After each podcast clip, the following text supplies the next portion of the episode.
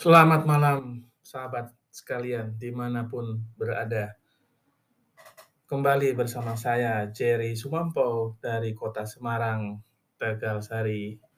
Waktu menunjukkan pukul 7 lewat 7 malam di tanggal 14 November.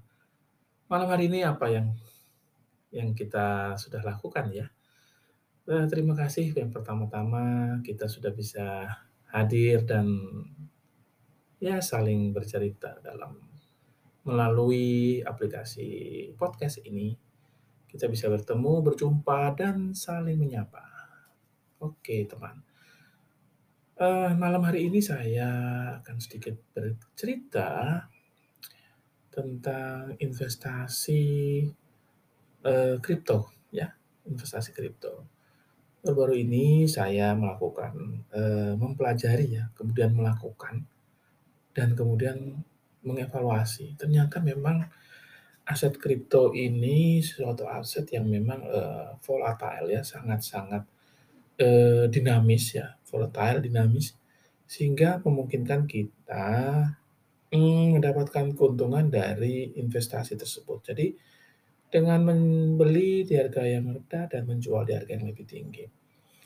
Baru saja saya melihat transaksi Bitcoin ya, Bitcoin itu ternyata harganya saat ini sudah sangat mahal. Tapi eh, harga mahal dan harga murah itu ternyata kembali lagi kepada prinsip ekonomi yaitu supply dan demand, supply and demand. Untuk teman-teman ketahui, untuk aset cryptocurrency ini, ya, Bitcoin ini, ataupun mata uang kripto lainnya, itu dicetak dalam jumlah yang terbatas. Artinya, dia tidak ada suplai tambahan lagi. Jadi kalau sudah punya di, diedarkan sebesar misalnya satu juta koin ya maka dia tidak akan ditambah lagi menjadi satu juta seratus ribu atau seterusnya satu juta dua ratus ribu koin dan seterusnya. Jadi sekali cetak dan itu berlaku seterusnya. Yang ada adalah peredaran atau beredarnya uh, mata uang kripto itu di antara para pembelinya atau para penjualnya.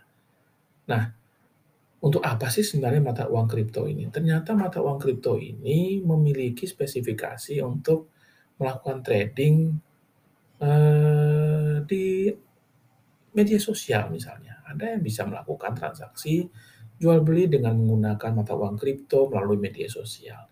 Jadi ternyata ini juga memiliki nilai ya. Nilai tersebut bisa diubah atau dikonversi menjadi mata uang sesuai mata uang di mana yang kita miliki. Misalnya rupiah, kita bisa melakukan konversi atau menjual sesuai mata uang rupiah. Tentunya dengan e, perhitungan supply demand yang ada dari cryptocurrency tersebut ya. Jadi semakin banyak permintaan kriptonya, harganya akan semakin naik. Kemudian jika ada yang menjual kriptonya, harganya semakin turun dan demikian seterusnya. Nah, kalau melihat seperti ini, kira-kira ke depan bagaimana ya? Kalau saya melihat positif sekali, karena cryptocurrency ini jauh dari intervensi keuangan. Seperti kita tahu kalau kita melakukan transaksi falas, kita harus terus memperhatikan nilai inflasi, kita harus memperhatikan hmm, cadangan devisa, kita harus memperhatikan banyak isu-isu keuangan bahkan isu-isu politik yang beredar sekitarnya.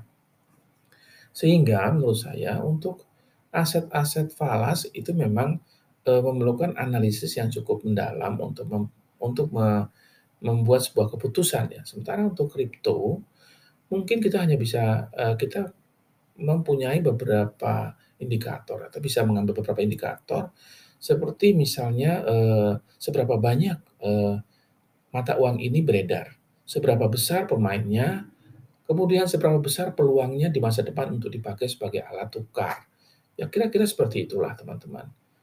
Nah, kira-kira teman-teman memiliki ketertarikan? Silahkan mencoba teman-teman, karena untuk ini eh, teman-teman bisa membeli melalui aplikasi yang sudah diakui oleh pemerintah, misalnya aplikasi peluang. Silakan teman-teman melihat sendiri di Play Store atau di uh, Google Store aplikasi peluang ya. Teman-teman pelajari coba di situ.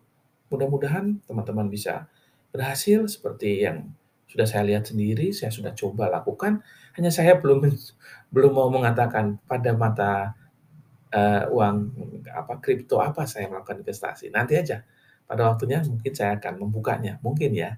Oke, untuk malam ini mungkin, eee, hanya sekian dulu apa yang bisa saya sampaikan. Sampai jumpa di kesempatan yang berikutnya. Besok pagi saya tetap akan berangkat ke kota Magelang, di mana tempat saya bekerja.